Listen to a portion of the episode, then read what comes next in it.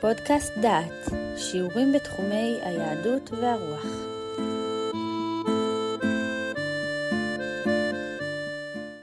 ברוכים הבאים לפודקאסט דעת, לקורס קיצור תולדות החינוך.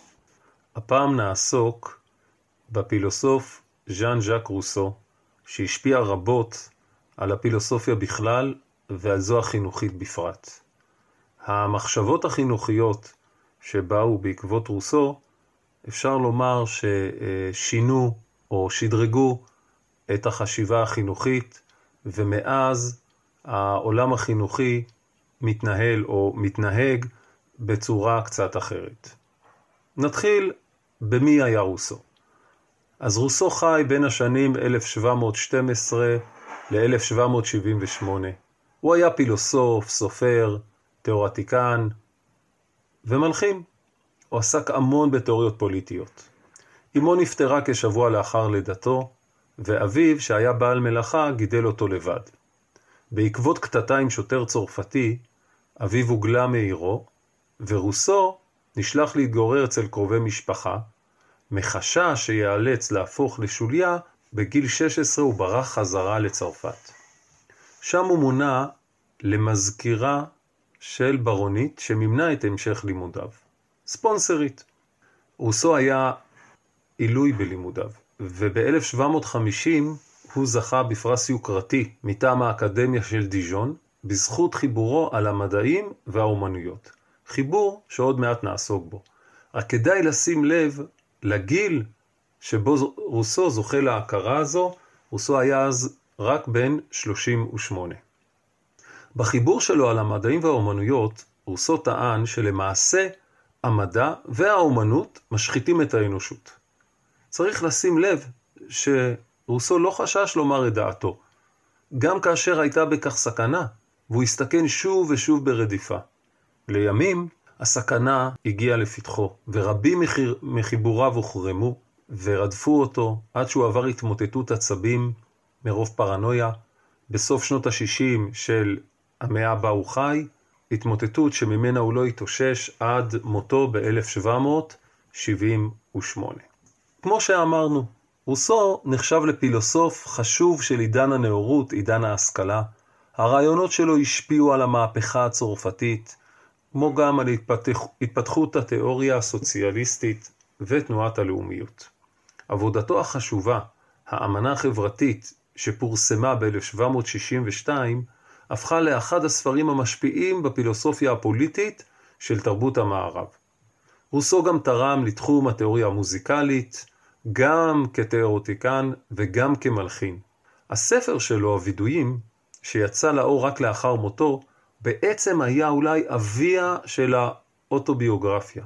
אותו ז'אנר מודרני שאדם כותב על עצמו, וזאת בשל הדגש שרוסו שם על ראייה סובייקטיבית בכוונה.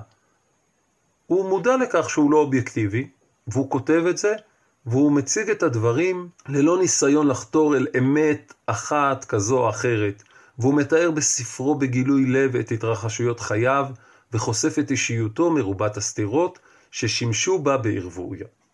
למשל, וזאת נקודה מרתקת, רוסו נחשב פילוסוף, רוסו נחשב גם כבעל מחשבות חינוכיות, אבל שימו לב שבספרו הוא מתאר מדוע מסר את חמשת ילדיו שנולדו לו מאשתו למוסד לילדים עזובים. כלומר, מדובר באדם שחי עם אישה, נולדים לו חמישה ילדים, והוא מוסר אותם למה שאנחנו קוראים היום בית יתומים.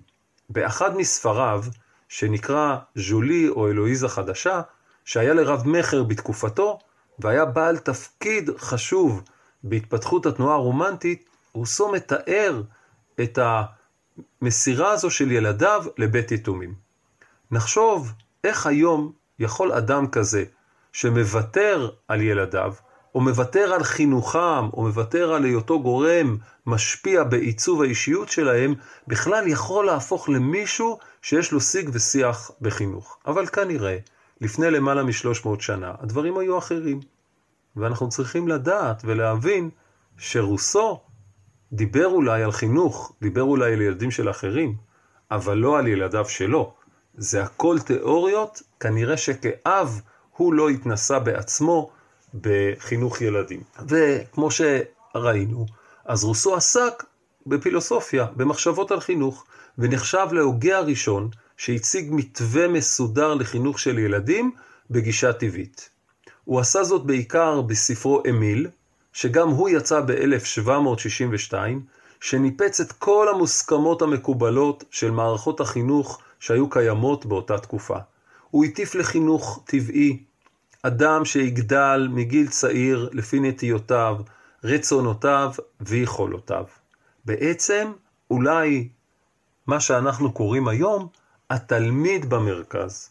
וכמו שכבר אמרנו, התהליך של המחשבות החינוכיות לאורך ההיסטוריה מוביל אותנו למקום הזה, ובעצם התשתית מבוססת על רעיונותיו של רוסו.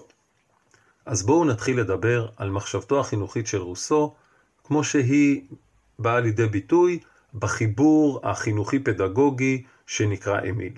בחיבור הזה, רוסו ביקש להציע דרך לשיקום האדם בעזרת החינוך הטבעי.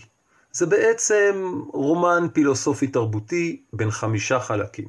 בהקדמה ובחלק מהמבוא, רוסו מבסס את מסקנותיו הפדגוגיות על התורה החברתית שלו, שעיקרה התפשטותה ההרסנית של התרבות.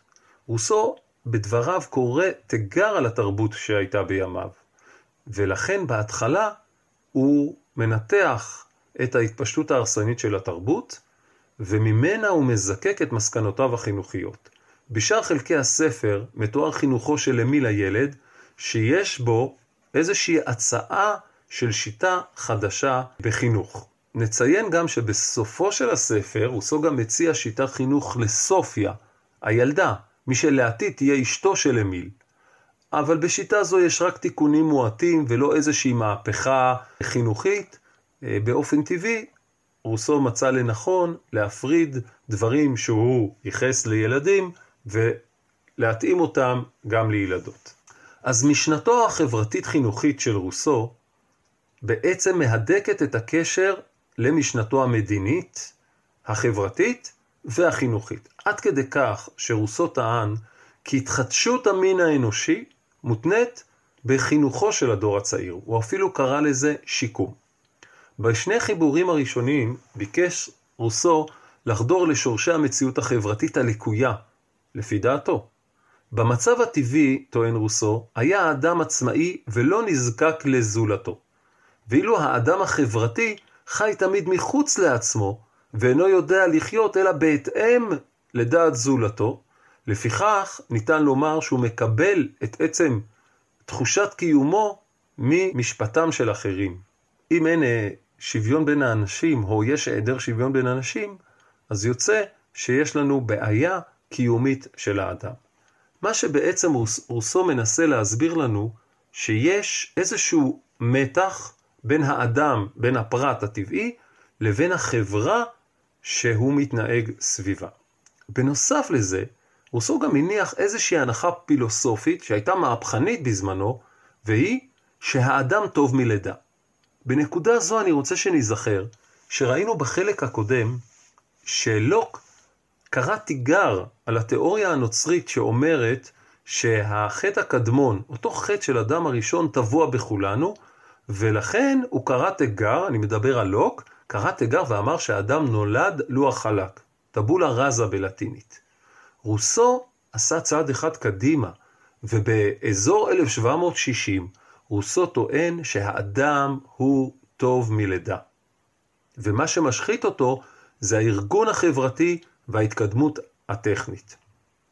בדבריו אלה רוסו מזכיר לי את הפסוק שאמר שלמה המלך, האלוהים עשה את האדם ישר, והמה ביקשו חשבונות רבים. כלומר, הקדוש ברוך הוא ברא אותנו כאנשים ישרים. החשבונות שאנחנו עושים, ואולי זה מה שרוסו קורא התלות החברתית, היא מה שמעוותת את הישרות שאיתה נבראנו.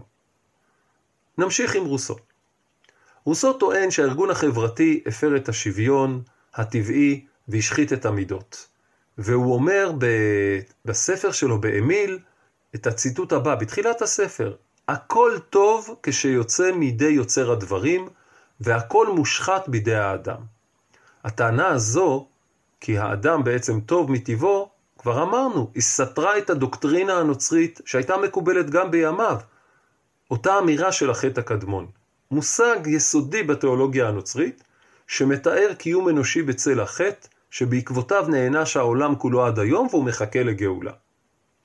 אבל רוסו לא רק מבקר את חוליי החברה, אלא גם מציע את המוצא מההסדרים שנשתבשו ומהירידה המוסרית שבאה בעקבותיה.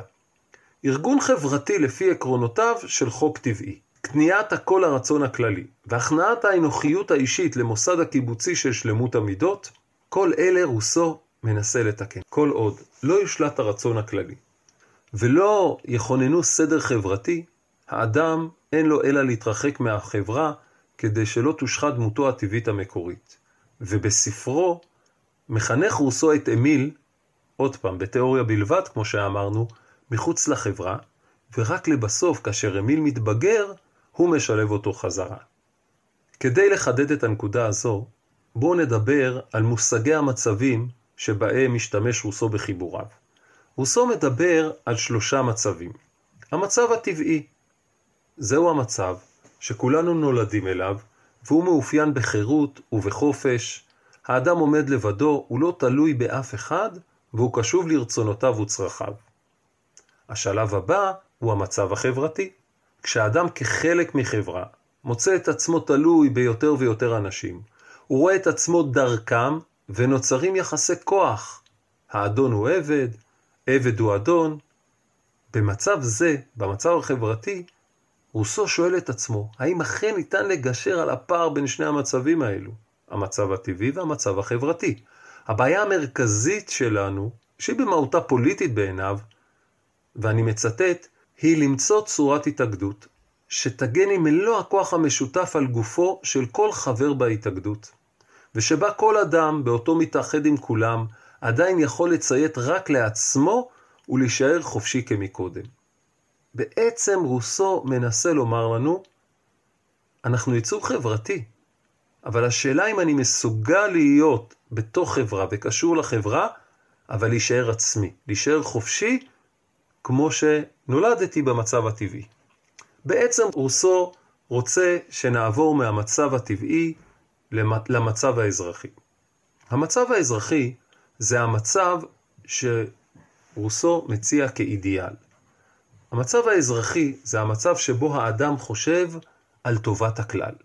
מצב זה, לתפיסת עולמו של רוסו, לא סותר את טובת הפרט, מפני שבמקום שבו כל אחד מגשים את עצמו וטוב לו, אז טוב לכולם.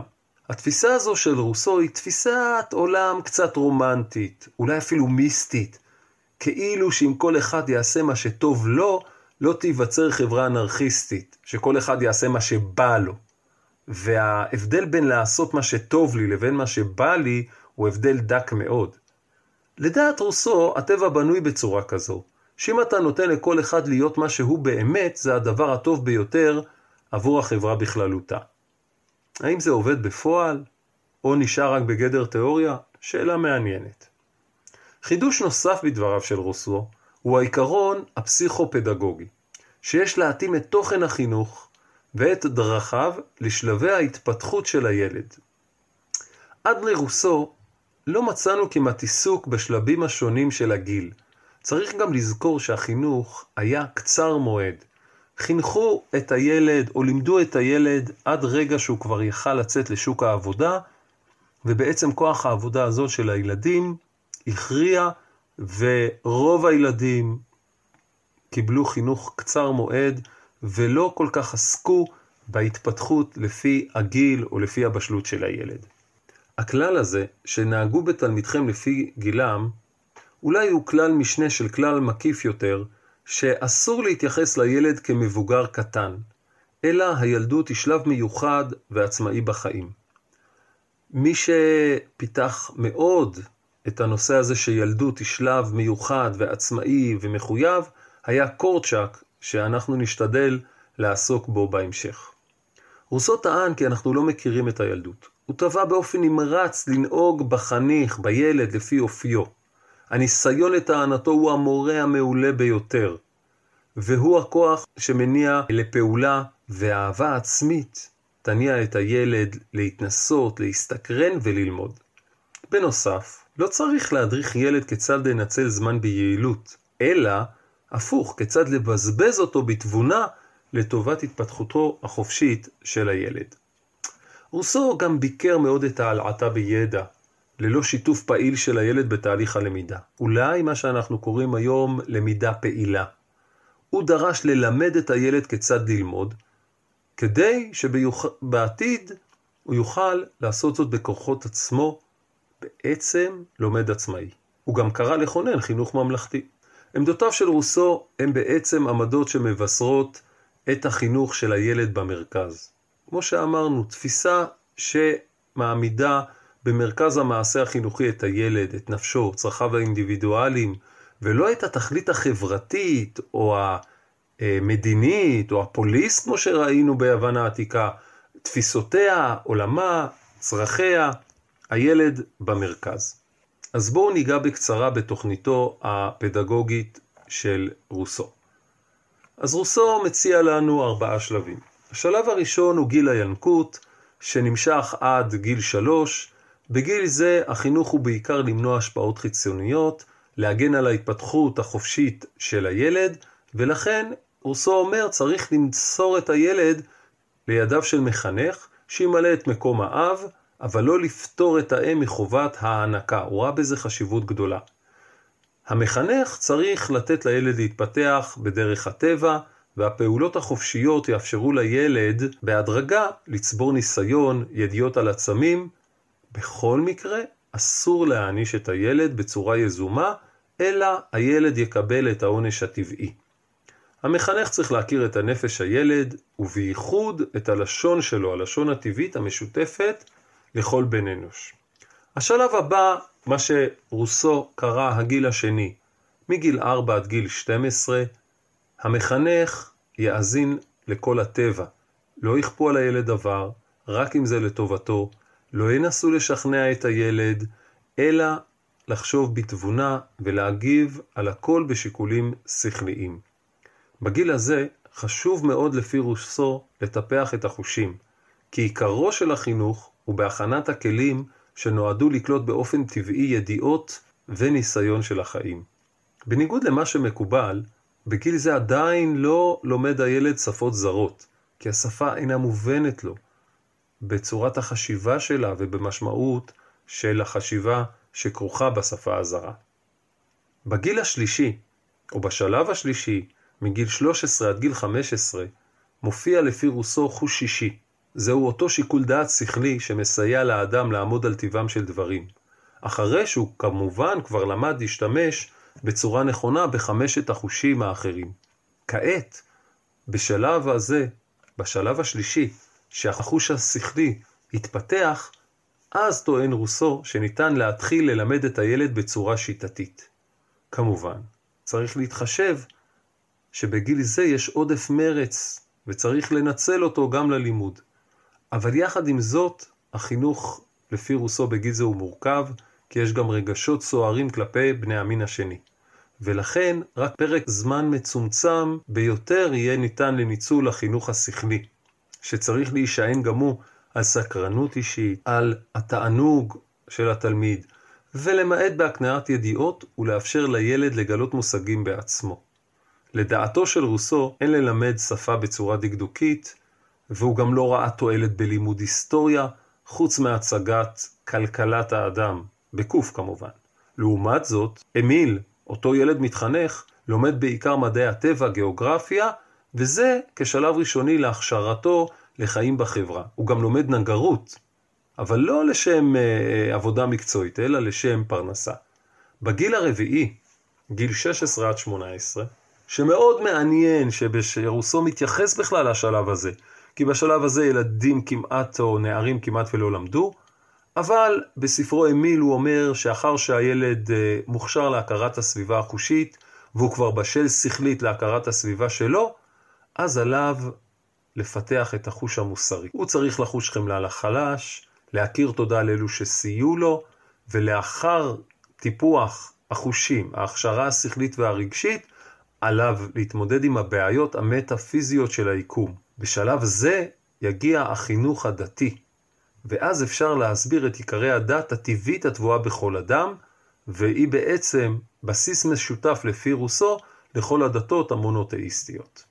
אפשר כמובן להרחיב רבות על רוסו ולציין שרוסו מבקר את האוניברסיטאות ואת הנבואות שלהם וכולי. דרך אגב, הייתה לו גם התייחסות מאוד מעניינת לגבינו היהודים, והוא התבטא, התבטא לא פעם בחיוב כלפינו, אה, ואפילו אה, יש ציטטה מאוד מפורסמת בספרו הרביעי, הוא בעצם משווה בין אותם נבואות של הנוצרים לוודאות של רבני אמסטרדם וכולי, אבל אנחנו אה, לא נרחיב, למרות שאני מציע מאוד לשומעים, לכם, להרחיב על רוסו, אני גם מציע לכם לחפש ביוטיוב את הסרט הקלאסי, הבלון האדום, סרט אילם שנעשה בצרפת, שבעצם שואב את השראתו, סרט בן חצי שעה ששואב את השראתו אה, מרוסו.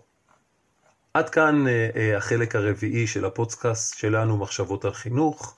בחלק החמישי אנחנו נקפוץ כמה שנים קדימה ונעסוק בג'ון דיואי, בחינוך הפרוגרסיבי, שבעצם הוא אולי אבי השיטה שלו.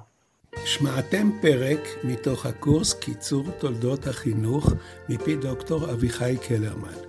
את הקורס השלם תוכלו לשמוע בכניסה לאתר דעת במדור פודקאסט.